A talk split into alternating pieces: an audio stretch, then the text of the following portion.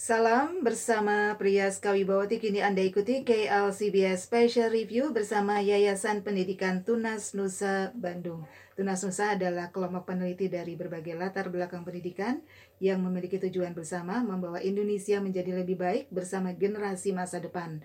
Salah satu program yang dilakukan Tunas Nusa adalah Aid Indonesia Cities Research yang berusaha mengidentifikasi karakteristik kota-kota besar di Indonesia. Riset dilakukan di delapan kota, Medan, Jatinegara, Bandung, Surakarta, Yogyakarta, Surabaya, Balikpapan, dan Manado. Dan kali ini kita akan menelaah temuan-temuan dari riset yang ada di Surabaya dan Bandung dan apa yang bisa dimanfaatkan tentunya untuk kota Bandung dari hasil riset di yang dilakukan oleh uh, Yayasan Pendidikan Tunas Nusa, Tunas Nusa dalam KLCBS Special Review dari Surabaya untuk Bandung. Dan kita akan berbincang-bincang dengan narasumber yang alhamdulillah sudah hadir di studio KLCBS, Bapak Dian Heri Sofian selaku Ketua Umum Ikatan Arsitek Lanskap Indonesia, Ibu Ramali Sobandi PhD, Ketua Yayasan Pendidikan Tunas Nusa, dan Median Syaputra, peneliti dari Yayasan Pendidikan Tunas Tunas Nusa.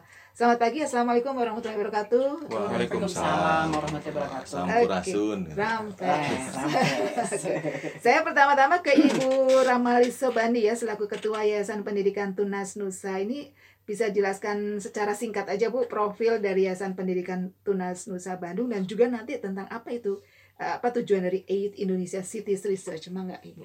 Terima kasih Teh Pias. Assalamualaikum warahmatullahi wabarakatuh para pendengar semua. Waalaikumsalam. Uh, yang di radio dan di YouTube ya Bu ya. Iya, ya, okay. kita YouTube lah. Uh, uh, uh, Tunas Nusa itu lahirnya tahun 96 Bu. Tadinya kita uh, konsentrasinya di pendidikan inginnya ada inovasi pendidikan melengkapi pendidikan formal. Tapi setelah kami berjalan ternyata inovasi itu hanya bisa dilakukan apabila dari riset. Hmm. dan yang risetnya ternyata jarang banget gitu. Jadi di 2010 kami memutuskan bergeser sekolahannya pada ditutup kemudian kita mulai dengan riset. Harus fokus kalau riset. Dan memang menjadi kota itu ternyata sesuatu yang orang tahu tapi enggak enggak gitu ya ada saat ini tuh 2014 64% penduduk Indonesia itu di kota hmm. dan akan terus nambah dicurigai curiga karena belum terbukti secara iya, saintifik yeah, yeah. 2050 75 persen oh tiga perempatnya uh -uh. kan banyak tuh kota kota di Indonesia itu 90 sekian hmm. total dengan kabupaten 514 mau semua kita lembaga nirlaba. Hmm. Banyaknya anak-anak muda yang memang benar passionate banget untuk penelitian, untuk keilmuan, nggak mungkin. Jadi harus milih uh, kota konsentrasinya. Berapa kotanya? Kita mulai dengan komposisi penduduk. Kan sekitar 60 persenan ada di Jawa ya. Hmm. Akhirnya kita posisiin, ah udah lima aja deh, mana aja gitu. Ya tadi yang terpilih itu Surabaya, Jatinegara, Surakarta, Yogyakarta, dan Surabaya sebabnya masing-masing berbeda. Jakarta kita nggak berani pilih karena beyond our capacity gitu ya. Jadi negara oh jadi negara teh kota katanya. Itu Gemeente kedua setelah Batavia. Oh. Gemeente itu status kota oh. oleh Belanda. Dan dan dia adalah hub infrastruktur. Hmm. Kemudian Bandung pernah jadi ibu kota dan kita base-nya di Bandung. Waktu kita bicara Surakarta harus Yogyakarta. Kenapa? Karena Surakarta dan Yogyakarta tadinya satu ibu kota Mataram Islam. Oh. Kenapa Surabaya? Karena sebelum ada VOC sebelum ada Hindia Belanda, waktu masih Nusantara, orang menduga bukan orang, secara saintifik orang menduga akan menjadi kota terbesar di kawasan ini, hmm. begitu. Nah, kemudian kita pilih tiga pulau terbesar Sumatera diwakili Medan uh, Balikpapan mewakili Kalimantan dan Manado mewakili Sulawesi. Hmm. Okay. Kenapa kita membuat riset ini dan untuk siapa? Untuk anak-anak. Kenapa anak-anak? Dan yang tua mah udah mau mati dari Enggak sih. Kan uh, Indonesia pendidikannya sekarang rata-rata baru 8 tahun ya, berarti yeah. SMP kelas 2. Jadi sebelum mereka keluar atau dari terpaksa keluar dari sistem pendidikan formal, mereka mendapatkan bekal tambahan, hmm. identitas. Pikir kayak begitu supaya bisa survive lah ya menjadi bangsa yang lebih baik dan mereka bisa berkontribusi untuk kotanya dan dirinya. Begitu? Oke. Memangnya kenapa kalau uh, dengan adanya riset ini untuk anak-anak yang diharapkan anak-anaknya akan seperti apa ketika sudah paham dengan hasil riset okay. dari Tunas Nusa? Nomor satu mereka uh, tidak takut dengan riset.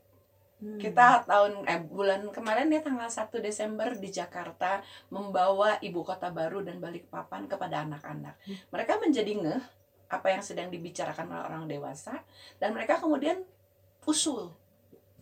Saya pengen lapangannya teh kayak begini, kayak begini, kayak begini. Hmm. Buat anak-anak itu adalah cara baru untuk memutuskan saya siapa dan apa yang ingin saya kontribusikan kayak hmm. gitu. Nah ini juga selalu kita makanya tadi teteh di off uh, air bertanya sampai kapan dan apa sudah selesai apa belum. Setiap kita mendapatkan temuan, kita buka. Kali ini kita menggunakan dan terima kasih sekali kepada KLCBS memberikan kesempatan untuk membuka ini. Ini loh situasinya seperti ini gitu. Jadi kan ada beberapa pengalaman dari Surabaya yang bisa kita tarik ke Bandung dan sebaliknya. Kayak begitu teh. Oke. Okay. Lalu ini kan kita temanya dari Surabaya untuk Bandung gitu ya. Bisa cerita nih, ada apa di Surabaya yang bisa kita jadikan apa referensi lah atau apa masukan untuk Bandung yang lebih baik? Uh, sama kalau kita lihat statusnya. Kok bisa sama ya? Dua-duanya metropolitan. Hmm. Tapi kalau kita lihat struktur komposisi kota di Indonesia, tidak ada yang bisa memungkiri kota nomor satu Jakarta kan? Ya. Ada yang nggak ada kan? Oke. Nah setelah itu kemudian uh, kita lihat Surabaya dan Bandung. Uh, Surabaya itu adalah pusat distribusi dan perdagangan Indonesia Timur dan mm-hmm. terbesar. Bandung paling dekat kota metropolitan dengan Jakarta dan kita tahu semua banyak banget deh seperti teman-temannya Pak Dian segala macam ya ahli-ahli cerdik pandai dari Bandung teh komuter Bandung Jakarta Bandung Jakarta memikirkan ya, Indonesia memikirkan Jakarta dari Bandung jadi katakanlah in a way think tanknya Indonesia iya, jadi iya. sama-sama nomor dua kan iya. terus penduduknya hampir 3 juta dua-duanya hmm. terus bedanya apa Ternyata walaupun penduduknya sama, Bandung itu besarnya hanya dua per tiga dari hmm. Surabaya. Jadi gegek gitu ya. ya. Waktu kita bicara metropolitan, Gerbang Kartosusilo dibandingkan dengan Bandung, itu juga mirip-mirip. Yang Surabaya atau Gerbang Kartosusilo itu sekitar 12 juta, yang Bandung Raya itu sekitar 11 juta. Hmm. Tapi luasnya, Bandung itu sedikit lebih dari seperlima. Jauh lebih kecil ya dari banget Surabaya Rayanya banget, okay. banget okay. gitu kira-kira itu kira-kira itu iya. nah oke okay. ini saya ke Pak Dian Heri Sofian dari uh, Ikatan Arsitek Lanskap Indonesia ini memang uh, bisa cerita sedikit Pak profil IAL, IALI ini IALI IALI biasanya IALI oh oke okay. jadi IALI ini Ikatan Arsitek Lanskap Indonesia adalah asosiasi profesi bagi teman-teman yang berprofesi di bidang arsitek lanskap hmm. gitu. Nah, uh, ya kita sudah ada di dua, 22 provinsi ya uh, kepengurusan daerahnya. Dan selama ini teman-teman arsitek lanskap itu banyak berprofesi atau berkiprah uh, terutama di tiga hal. Yang pertama adalah landscape planning, mm-hmm. artinya berbicara dalam skala regional, skala kawasan, tapi bidang landscape gitu. Mm-hmm. Ada yang ke landscape uh, design, artinya mendesain secara detail ya teman-teman di Kota Bandung salah satunya misalnya, mm-hmm. terus ruang-ruang uh, bagaimana dulu almarhum Profesor Slamet Wira Sanjaya mendesain uh, apa kawasan Monju dari Gedung Sate sampai itu juga dalam konteks meneruskan master plan kawasan itu. Jadi landscape bukan hanya tanaman ya. Betul, landscape itu bukan hanya softscape, bukan hanya milihin jenis pohon gitu. Ya, itu bukan seperti bukan itu. tukang kebun. Okay. Gitu. Jadi kita terutama sebenarnya mendesain ruang. Ruang luar ya. Mendesain ruang luar ya. gitu. Jadi ketika mendesain ruang luar di situ ada hardscape, di situ ada softscape ya, gitu. Kira-kira ya. seperti itulah. Oke. Okay. Lalu hubungannya dengan Tunas Nusa nih dan juga riset lapangan kota nih. Hubungannya baik-baik saja. Baik ya, jadi sebenarnya kita sebelumnya udah ada sempat kerjasama ya waktu itu saya jadi pengurus daerah Jawa Barat. Mm -hmm kita ada kegiatan kebetulan kami ada kegiatan rutin dialog profesi ya teman-teman berdiskusi tentang berbagai hal dan kita memang berkolaborasi. Nah, waktu itu dengan uh, apa kegiatan di mana di Racakek ya Bu ya. Betul. Di sana kita uh, ya berdiskusi gitu. Jadi ini bukan hal pertama okay. Jadi ketika diajak talkshow temanya bagaimana Bandung dengan ini Surabaya, saya, saya sih terus terang ini hal yang menarik untuk dibicarakan karena banyak yang bisa dipelajari gitu seperti itu. Karena Bandung ketika jadi ibu kota Hindia Belanda dirancang sebagai garden city. Hmm dan sekarang Surabaya itu menjadi best practice dunia untuk kota taman. Oh, Surabaya malah yang terkenal sekarang ya? Nah, Sebagai Garden dari City ya? situ, Iya, jadi- Bandung bisa belajar Oke. kenapa dan bagaimana kira-kira seperti itu. Oke. Kira kita- Bandung ya Bandung itu sebenarnya eh, di dunia tuh yang aliran landscape itu kan yang terkenal tuh ada tiga terutama Hmm. ya yaitu Italian Renaissance eh, apa konsep Renaissance ala Itali Renaissance ala Perancis dan eh, taman English landscape gardening gitu jadi Hmm. sebenarnya itu nah tiga tiganya tuh ada di Bandung bu Tiga-tiga, tiga-tiganya oh, konsep itu ada di Bandung Suatu jadi ketika Sekarang masih bisa di jejak-jejaknya masih ada masih bisa di jejak-jejaknya endorse masih ada Masih Jejak- bisa di ya. Pak? itu jadi Bandung tuh adalah eh, laboratorium bagi arsitek Aha. bagi mahasiswa arsitektur, Iya. bagi mahasiswa arsitektur lanskap. Jadi luar biasa dan tentu bagi semua ya sebenarnya Bandung itu bisa menjadi Oh, laboratorium jadi tempat tiga-tiga belajar. apa tadi? Apa konsep? Apa? konsep Iya. lanskap dunia itu Ada di. Itali. Paris dan Dan eh, Inggris- Inggris. Inggris Ya, Garden Ada ya. tiga-tiganya di Ada Bandung. tiga-tiganya. Oke. Dan dengan IALI eh, kami juga sudah melakukan fasilitasi dan pendampingan kepada masyarakat. Jadi sejak bulan Juli kami eh, membangun Cisurupan dengan pemerintah kota Kota, dengan iya. warga masyarakat. Teman-teman IALI gabung di Hmm. workshopnya, di lapangannya kayak gitu. Terus Iya. kita sekarang akan masuk ke Curug Sigai juga Oke, begitu oke. gitu. Jadi ya sekarang di mah itu ya, usaha ya? lah. Iya, betul. Ini. Ya, Ah, saya bara ekologis. eh, ini apa namanya eh, babakan Siliwangi ya. Nah, Oke, baik. Nanti kita bahas lebih lanjut Siap. dan lebih detail eh, dari Surabaya untuk Bandung apa saja yang berkaitan dengan tadi lanskap atau Garden City yang sekarang malah Surabaya nih yang merebut ya, merebut. Yang apa lebih terkenal di dunia daripada Bandung yang aslinya dibangun sebagai Garden City. Eh, baik, kita akan jeda terlebih dahulu. Kami kembali sesaat lagi. Kita lanjutkan ke LCBS Special Review bersama Yayasan Pendidikan Tunas Nusa. Eh, temanya adalah dari Surabaya untuk Bandung. Kita akan mengetahui apa saja eh, yang menarik di Surabaya yang sekarang lebih dikenal di dunia, lebih terkenal di dunia sebagai best practice dari Garden City eh, daripada Bandung yang aslinya dibangun sebagai sebuah garden city atau kota taman. Baik, eh, talk show ini bisa Anda dengarkan melalui streaming www.klcbs.net melalui app KLCBS juga bisa disaksikan langsung melalui YouTube. Caranya ketik LCBS klik live now. Dan kalau mau bertanya sampaikan melalui text message atau WhatsApp 0811 2245299. Kita masih berbincang-bincang dengan Bapak Dian Heri Sofyan, Ketua Umum Ikatan Ar- Arsitek Lanskap Indonesia, Ibu Ramali Sobandi PhD, dan Median Syaputra dari Yayasan Pendidikan Tunas Nusa Bandung. Baik, eh, saya ke Median Syah nih, peneliti dari Tunas Nusa ya, Bu Ramalis ya. Ya. Oke, ini eh, berkaitan dengan ini Surabaya dan Bandung. Ini apa yang menjadi fokus penelitian yang dilakukan Med- Medi ini? Nah, kalau saya sendiri itu sebenarnya ketertarikan terhadap bencana ya. Jadi saya meneliti dari kedua kota ini ternyata sangat menarik. Hmm. Kalau dilihat itu pertama dari karakteristik bencananya itu ternyata Surabaya dan Bandung tuh mirip. Pertama tuh kalau dari morfologinya Surabaya kita lihat kan dia datar rendah, Hmm. terletak di hilir dan dilewati oleh anak sungai Arian Berantas. Jadi ada sungai sebagai salah satu potensi bencananya. Yang kedua adalah kalau Bandung juga Bandung juga dilewati oleh Sungai Cikapundung yang merupakan anak Sungai Citarum.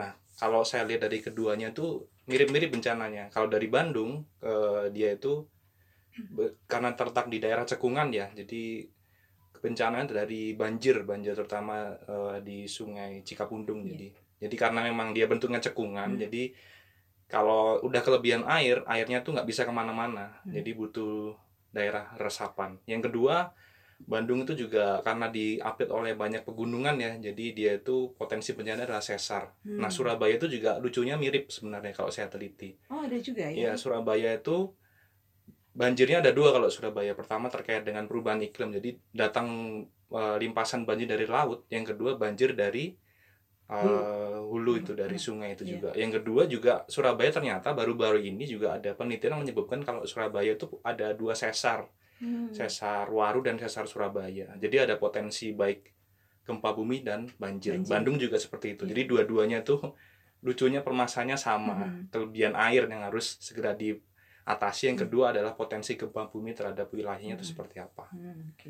Nah ini yang kalau ada dengan kesamaan itu eks- masalah yang di lapangannya seperti apa atau potensi masalahnya yang bisa mengancam penduduknya seperti apa yang lihat yang ditemukan oleh Medi? Nah gini ya kan kalau seperti yang dijelaskan oleh Bu Ramalis tadi kan dua kota ini mirip kan sama-sama metropolitan. Hmm. Bandung itu pertama mungkin uh, Bandung tuh ramenya pertama gini maksud saya dari segi pariwisata ya. Jadi ketika ada bencana resiko bencana ini tidak hanya berdampak pada penduduk asli kota Bandung itu sendiri tapi penduduk orang luar di sekitar kota Bandung itu. Jadi Bandung itu sebagai jujukan pariwisata jadi mungkin orang Majalengka orang Jakarta hmm. tuh ke Bandung bermain nah kalau Surabaya itu ibu kota provinsi juga sama di Bandung dia juga jujukan perdagangan jasa buat orang-orang di sekitar Jawa Timur mengadu nasib hmm. jadi lucunya kalau sebenarnya dua kota ini terkena bencana dampaknya sangat krusial bagi tidak hanya Surabaya dan Bandung namun wilayah-wilayah yang di sekitarnya juga hmm. karena tidak hanya penduduk yang di situ yang penduduk asli dari Surabaya Bandung yang bermukim di situ tapi penduduk di sekitarnya itu sih.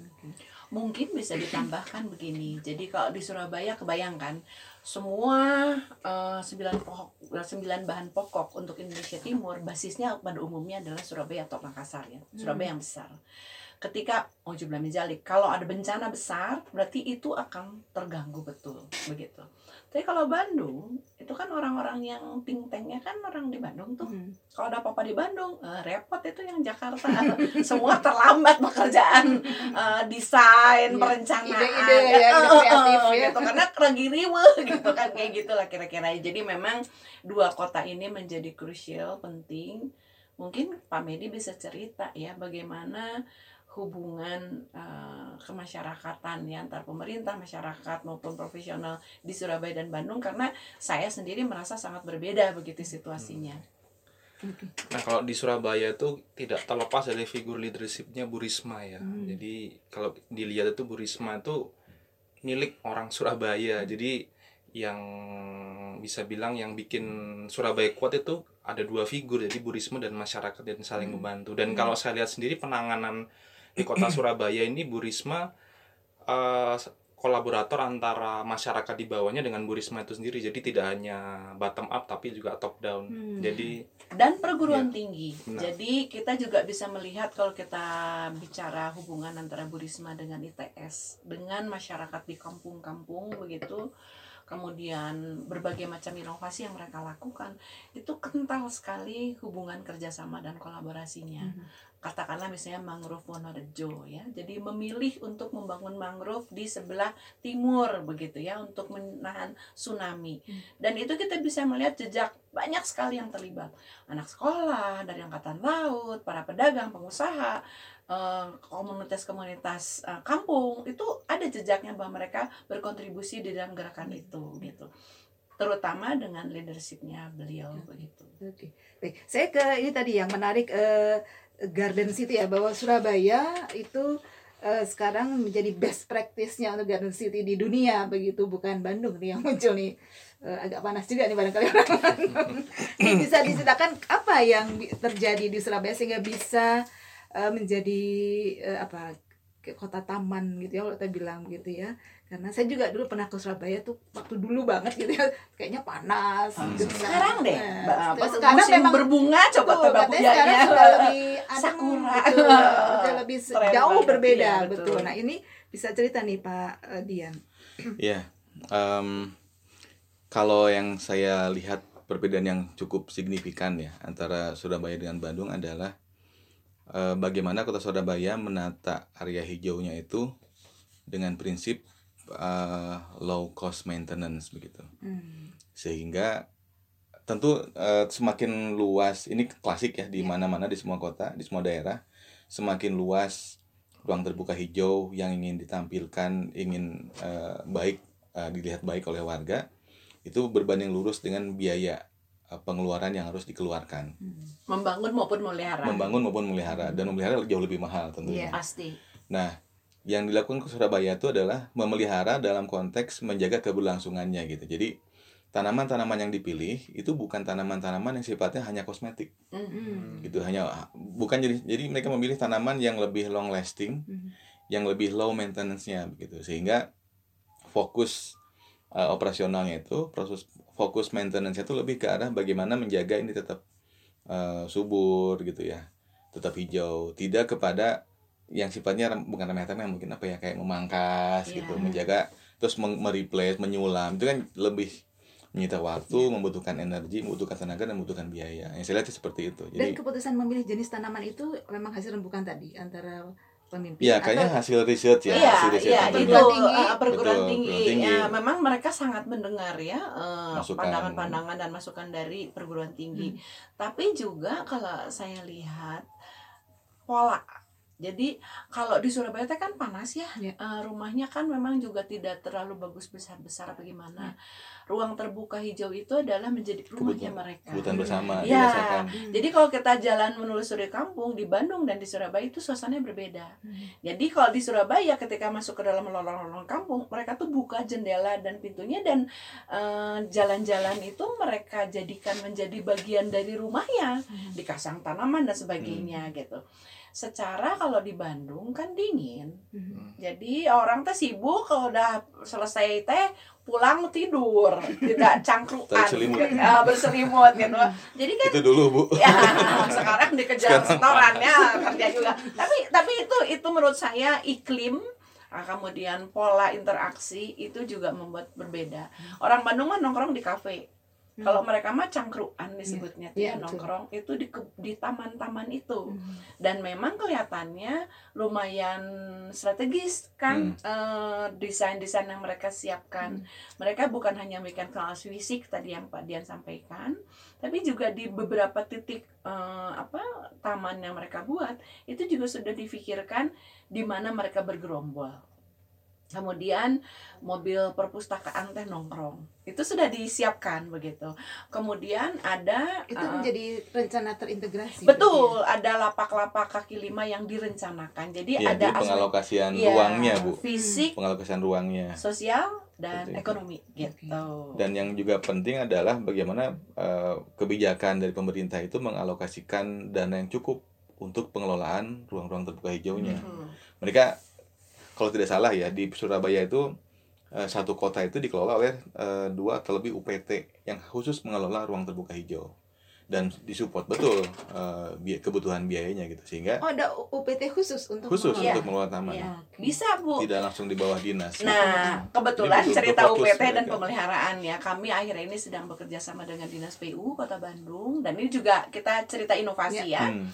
Eh, UPT em, ada UPT UPT Dinas Kota Bandung yang memang memelihara. Dan kalau kita ikuti di Instagramnya mereka, kita lihat sekarang kan sekarang Cilencang Bandung relatif cepat hilang Wah, gitu ya. iya. Karena mereka pelihara itu bisa karena fleksibilitas dari UPT UPT itu. Hmm. Jadi kalau di sana mah bukan hanya PU tapi juga sudah eh, Lintas. dinas eh, pertamanan dan semua hampir semua UPT ya dinas eh, OPD-nya begitu. Kalau di Bandung yang saya tahu nih baru eh, karena kerjasama baru sama PU ya PU begitu. Hmm.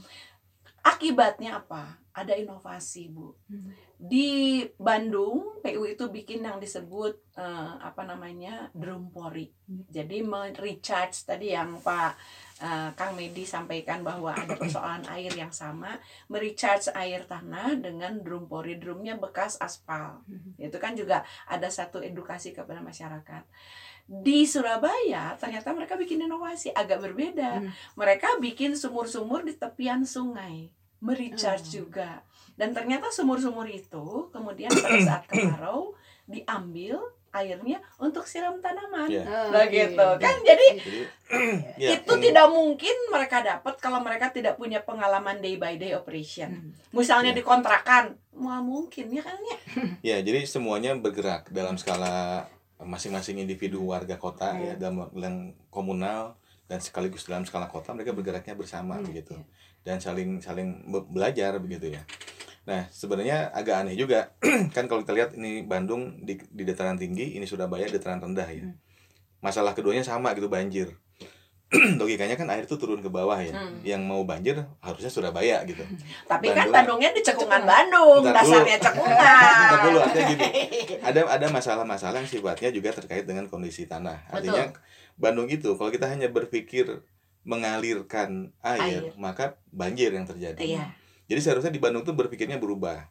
Air itu pertama ditampung, ditahan, diresapkan sebanyak Hmm. mungkin. Hmm. Dengan demikian maka saluran-saluran eh, riol kota, saluran drainase itu akan minim Ya. menampung Bebannya. beban air karena udah di, di- selesai di masing-masing Ya. coupling, Hmm. masing-masing komplek gitu. Dan saya pikir itu bisa dilakukan dimulai ya. Anda semua harus semua harus melakukan. Iya. Tapi bisa dimulai di rumah rumah dan instansi pemerintah, Bu. betul iya. Jadi, kebun-kebunnya Skala sekolah satu, satu kecamatan itu kan ada kantor camat, kantor polsek, ya dan ramil, Sekolah-sekolah. puskesmas, pasar. Kalau semua satu coupling itu minimal bikin dua sumur resapan, membuat dua ground water tank, dan itu bisa diukur ya. Iya. Jadi kalau ba- kalau begitu hujan, selama satu jam hujan, air yang mengalir ke selokan itu hanya sedikit. iya Luar biasa Oke. dampaknya gitu. dan itu rainwater harvesting jadi Betul. menampung air Tadi hujan dipakai lagi Iya, untuk menyiram, Mm-mm. cuci Oke. mobil dan Baik, kita harus sebagainya. kembali jeda dalam KLCBS Special Review bersama Yayasan Pendidikan Tunas Nusa, Tunas Nusa dari Surabaya untuk Bandung. Eh, kami akan jeda terlebih dahulu dan kembali sesaat lagi. Kita lanjutkan KLCBS Special Review bersama Yayasan Pendidikan Tunas Nusa. Kita membahas tentang eh, dari Surabaya untuk Bandung temanya ini tentang bagaimana Surabaya bisa menjadi garden city yang sangat eh, baik eh, dan bisa menjadi referensi untuk kota Bandung yang aslinya dibangun sebagai garden city. Talk show ini dapat Anda dengarkan melalui streaming www.klcbs.net melalui app KLCBS juga disaksikan langsung melalui YouTube ketik KLCBS klik live now dan kalau mau bertanya bisa melalui SMS atau WhatsApp 0811 2245299 kita masih berbincang-bincang dengan Ibu Ramalis, Pak eh, Dian Heri Sofian dan Median Syah.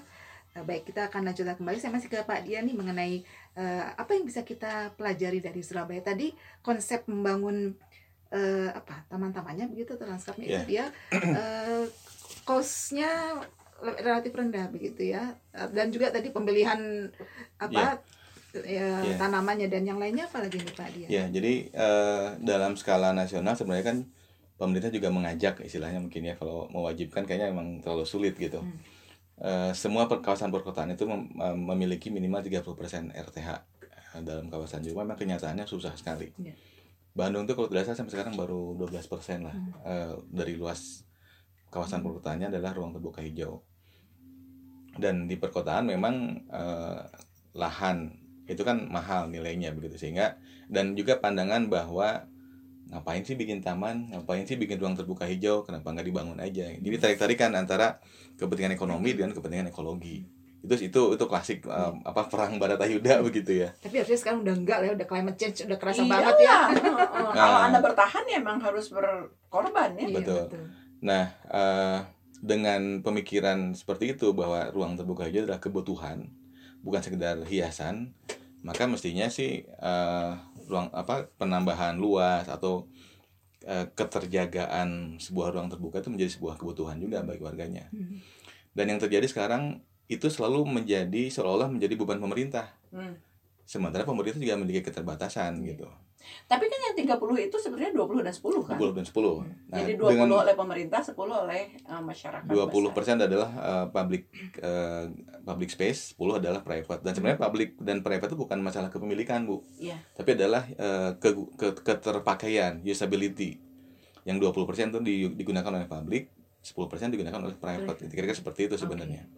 Nah, jadi pertama tadi pengadaan lahannya memang sudah susah gitu ya, karena bukan susah sebenarnya, artinya cost costnya butuh Hmm. banyak.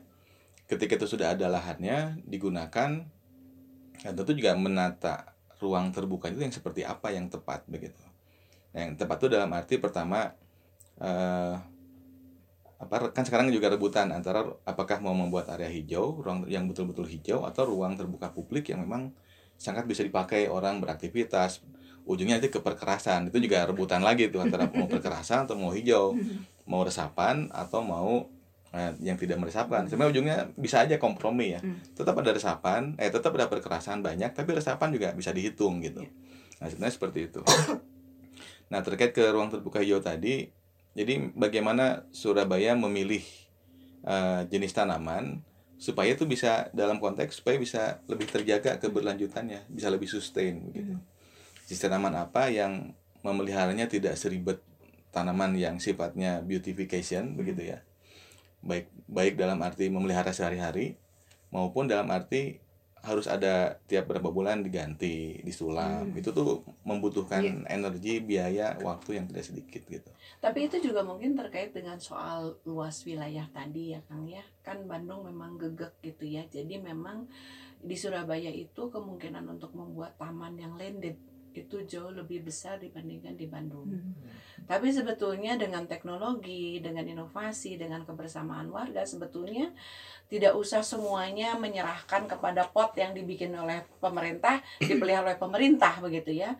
Jadi kalau kita melihat referensi di Vietnam lah ya, kota-kota di Vietnam, masyarakat itu betul-betul ikutan ya jadi kan tadi soal 20% 30% kalau padat kayak Bandung kumaha tuh gitu saya mungkin malah bertanya ke Pak Heri ya secara profesional kalau misalnya kita mulai dengan membanyakkan rooftop garden di Bandung gitu ya mungkin soal resapannya kita pakai injection sumur resapan dan sebagainya tapi climate atau iklim yeah. yang berbaik karena ada yeah. banyak tanaman-tanaman gimana kalau kita mulai introduksi dengan di rooftop hmm, begitu kan yeah. jadi dah saya mah begitu keluar di MAT di Jakarta begitu ningali atap asal ningali sawah kosong gitu ya sawah ya, garing gitu ya sawah garing karena kan yeah. itu ruang ya hmm. dan kalau misalnya kita tanemin uh, tanaman pangan begitu ya itu banyak banget yang kita bisa dapat iya. yieldnya satu pohon contoh uh, pohon waluh uh, labu labu besar hmm. itu kita bisa dapat 30 sampai 40 kilo itu kita nggak usah satu pohon satu pohon dan itu kita kan merambat itu ya bu ya? iya hmm. jadi kan kita bisa pakai pot ukuran 50 cm rambatkan ke luhur hmm.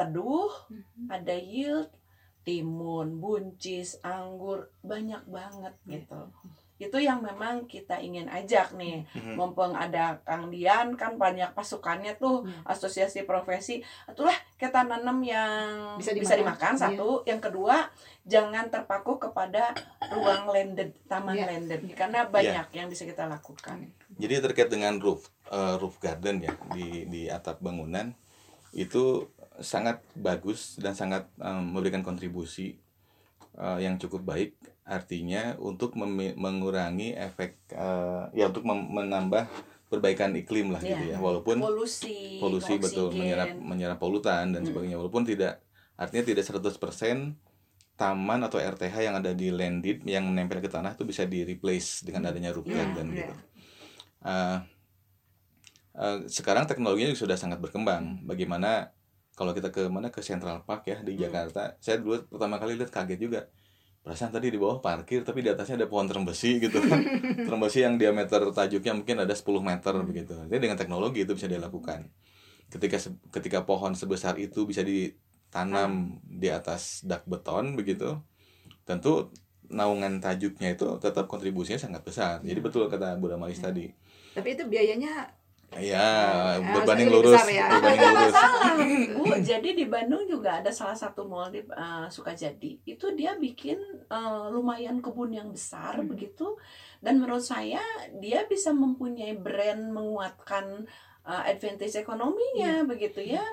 Ya, jadi ya, jadi tambah jadi, jadi mungkin ma bukan mahal murah, tapi ekonomis atau tidak ya. gitu. Ya. Ekonomis itu kan artinya dibandingkan dengan umurnya, dibandingkan ya. dengan kontribusi uh, ke lingkungannya. Mengundang market gitu nah, itu ya. buat jadi marketing juga bagus, bagus sebenarnya kalau kita melihat itu gitu. Baik lagi yang Surabaya nih uh, tadi apalagi hal-hal yang menarik yang membuat Surabaya bisa tumbuh menjadi sebuah garden city yang terkenal di dunia yang bisa yang kita saya lihat sebenarnya lebih ke keberlanjutannya ya. Bagaimana taman-taman itu bisa terus ada tanpa menjadi beban begitu.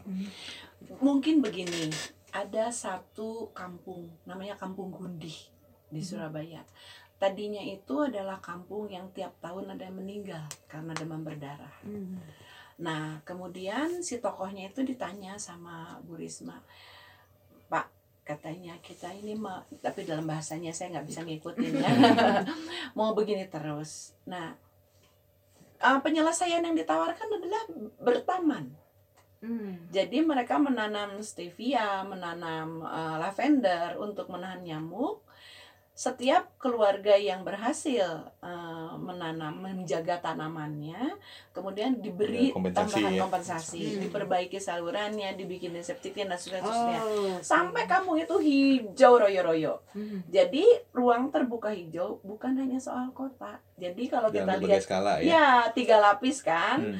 di level mikro di kampung di rumah kemudian di level kota ada yang ruang-ruang kota terbuka hijau gitu dan dalam sistem regional juga kawasan-kawasan konservasinya juga seperti mangrove itu Hmm. dia regional gitu ya nah mungkin dalam konteks mitigasi bencana juga begitu ya pak ya Hmm, jadi iya. ada yang mikro ada yang meso ada yang regional Hmm, begitu oke. Dan menariknya nih konsep apa eh, ruang terbuka hijau ini bisa dikaitkan dengan kesehatan tadi ya contohnya. Oh iya, Betul. sangat dan Bu. Betul. nah, dan ekonomi tadi yang jelas. Betul, Jadi betul. sebenarnya kalau direncanakan dengan komprehensif begitu, iya holistik bisa betul banyak betul. manfaatnya multi. Dan ini. soal sanksi ya di Gundi tadi. Jadi setiap orang yang ketahuan membuang minyak atau oli motornya ke saluran Hmm. dihukum oleh teman-temannya membersihkan saluran itu semua. Hmm. Sanksi Jadi, sosialnya itu. Iya, sanksi sosial. Jadi memang kayaknya harus begitu ya. Hmm. Harus ada nggak mungkin- keperanatan. Iya, nggak mungkin mengandalkan inisiatif Ya. pemerintah saja. Hmm. Nggak mungkin lah. Nah, Dan- ini yang itu di Surabaya bisa jalan ya kayak gitu ya? Iya. Oke, itu eh, peran kayaknya leadershipnya kuat atau apa sebenarnya Ya, kan bagaimanapun dua. Jadi main behind the gun itu yang paling ya dua-duanya antara leadership dari kepemimpin dan juga ada willingness dari warga, Bu. Hmm. Gitu, karena warga yang tidak peduli yang hanya bisa eh, ini salah Nyinyir aja nyinyir aja gitu itu nggak akan menyelesaikan masalah. Jadi Hmm. warga juga harus Berubah. merubah dirinya. Transformasi. Betul, harus Dan di mau. Surabaya itu bisa masyarakat mau ya eh, apa namanya kayak seperti di oke. kampung. Eh, begini, eh, kalau dalam konteks budaya memang kita harus akui bahwa budaya orang Jawa Timur ya dengan orang Jawa Barat dengan Bandung itu beda Hmm. ya. Jadi sana sudah sangat terkenal guyup begitu. Tapi kan kita sekarang sudah sepakat secara nasional sebagai bangsa akan merevolusi mental. Hmm. Dan katanya kan Bandung kan ting teng nih. Hmm. Udah tahulah sifat kita seperti itu. Gantilah Hmm. yang jelek nama. Ya kan? Ya. Kita guyup sama-sama Ya. begitu ya. harus Eh, niat bersama ya. Ya, nawaitunya. Ya, kita juga nawaitu ke CBS, Yali sama Tunas Nusa kan. Ayo sama-sama begitu apa yang bisa kita uh, Ya. rekomendasikan. Satu lagi Bu, ini mengutip eh, dari Profesor Danis Woro, kota itu adalah akumulasi dari ber- pengambilan berbagai keputusan. Hmm. Jadi kota itu bukan sekedar fisik, tapi apa yang terjadi sampai saat ini di kota kita itu adalah akumulasi dari pengambilan berbagai keputusan. Keputusan siapa? Keputusan pemerintah dan keputusan semua warga. Hmm. Jadi ketika saya memutuskan untuk membuang sampah di kali, itu itu berkontribusi terhadap kerusakan yang terjadi sekarang. Tuh. Ketika kita kemudian beralih, ah saya memutuskan nih untuk tidak membuang sampah. Saya memutuskan untuk menabung air. Maka itu kita berkontribusi terhadap perbaikan kota kita seperti itu. Jadi kita Jadi- juga punya ini ya. Oh sangat bu. Kontribusi, decision iya, making. decision making. Masyarakat itu sangat Oke. sangat banyak kontribusinya. Mungkin juga penting Bu diketahui bahwa Surabaya itu umurnya ada 700 tahunan. Mhm. Bandung itu 200 tahunan. Keputusan untuk mengambil keputusan tadi keputusan cerita. itu. mereka mengambil lahirnya Surabaya itu ketika Raden Wijaya bertahan sampu atas serangan Mongol. Hmm. Bandung mengambil keputusan, saya lahir ketika ada surat keputusan membangun infrastruktur dari Hindia Belanda. Jadi kan ada latar belakang itu. Hmm. Tapi mulai sekarang ambillah pengetahuan-pengetahuan itu sebagai satu kesadaran untuk mengambil keputusan yang lebih baik. Ya, Ya, Oke. Kira-kira begitu. Oke, baik kita harus jeda terlebih dahulu nanti kita akan masuk ke sesi terakhir setelah jeda berikut ini. Kami akan lanjutkan KLCBS Special Review bersama Yayasan Pendidikan Tunas Nusa tentang eh, apa saja hal yang menarik dari Surabaya yang bisa kita adopsi, kita bisa jadikan referensi untuk eh, membangun Bandung yang lebih baik. Tapi sebelumnya kita akan jeda kembali. LCBS Special Review bersama Yayasan Pendidikan Tunas Nusa tentang dari Surabaya untuk Bandung masih bersama narasumber Ibu Ramali Sobandi PSD, Bapak Dian Heri Sofyan dari Ikatan Arsitek Lanskap Indonesia dan juga eh, ini peneliti Median Syah dari eh, peneliti dari Tunas Nusa. Talkshow ini dapat Anda dengarkan melalui streaming www.klcbs.net melalui app KLCBS juga bisa Anda saksikan langsung melalui YouTube saat ini ketik KLCBS klik live, live now. Baik, kita sudah masuk di sesi terakhir. Saya sekarang ke uh, Medi nih ya tentang uh, mitigasi kebencanaan. Kita pas juga nih masuk mulai musim hujan Iya, gitu benar, ya. hujan. Ini dari hasil riset yang dilakukan uh, Mediansyah uh, khususnya dari Surabaya tadi akan dan uh, untuk Ban- dan Bandung begitu uh, karena tadi kondisinya relatif ada banyak kemiripan terutama tadi dengan bencana apa air tadi ya banjir ya Banjir, air nah, itu air itu apa ada so, apa saran-saran atau temuan-temuan yang ini yang memungkinkan untuk bisa diadopsi atau diterapkan di Bandung begitu. Ini mau tadi sebenarnya udah terangkum dari pe- pembicaraan dari Pak Dian dengan Bu Ramalis ya sebenarnya kalau untuk Bandung sendiri karena banjir ya jadi kita memperbanyak daerah-daerah tangkapan air yang lebih baik tuh skala mikro aja. Tidak perlu skala makro yang besar-besar tapi bergerak bersama skala mikro jadi menggunakan rainwater harvesting terus tadi juga dengan drum pori dan sebagainya itu skala mikro saja dan yang kedua yang bisa dicontoh dari Surabaya itu mereka dari koordinasi antar sistem masyarakatnya jadi di masyarakatnya di sana itu ada semacam desa tangguh bencana ya Hmm. jadi setiap desa itu baik linmas itu ada kapten penanggulangan bencana bisa dibilang jadi ketika ada Kapten? keadaan iya mereka sebutnya kapten dirijen atau koordinator kali ya koordinator Disebutnya ah, kapten kapten, gitu ah, ya. tapi yang saya jadi kapten biar lebih keren bu lucu juga Ah, gitu menarik memberi title ya Iya, jadi setiap kelurahan itu, setiap kelurahan, setiap RT dan CW itu ada kaptennya. Jadi Hmm. ketika jadi bencana, siapa yang harus mengkoordina- mengkoordinasikan biasanya kalau di kita itu panik kan siapa yang harus bergerak. Nah, ini Iya, ada iya. koordinatornya satu. Nah, itu yang pertama. Yang kedua, mereka juga dari sejak dini udah ada edukasi ke sekolah-sekolah di Hmm. SD, SMP udah dari pemerintah sendiri juga udah melakukan edukasi ke masyarakatnya sejak dini yang pertama. bentuknya seperti apa edukasinya Eh, apakah cuma sekali dua kali atau memang apa reguler rutin ya Rutin. Jadi ekskul ya kayak biasanya sed- sedang direncanakan mau bikin kurikulum tapi karena mungkin proses yang terlalu panjang ya jadi sejauh ini baru sistem sistemnya ekstrakurikuler saja Mhm. jadi setiap hari Sabtu ada tim dari penanganan bencana itu datang ke sekolah Hmm. SD dan SMP untuk sosialisasi bencana apa sih yang mitigasi secara keluarga aja yang harus kalau ada banjir yang secara simpel apa sih kalau dari pemerintah kan mungkin terlalu berat ya Iya. dari keluarga itu kalau ada banjir apa sih mungkin yang pertama kan jangan buang sampah sembarangan dari anak-anak kan Mhm. terus banyak kebanyakan tanaman dan sebagainya. Dan yang kedua itu kan di sana juga dari segi instansinya setiap instansi eh, kantor-kantor dinas, kantor-kantor kecamatan juga sudah secara SOP-nya diinstruksikan dari atas Mhm. harus sudah punya ruang evakuasi, Mhm. sudah punya jalur-jalur evakuasi dan ruang evakuasinya seperti apa.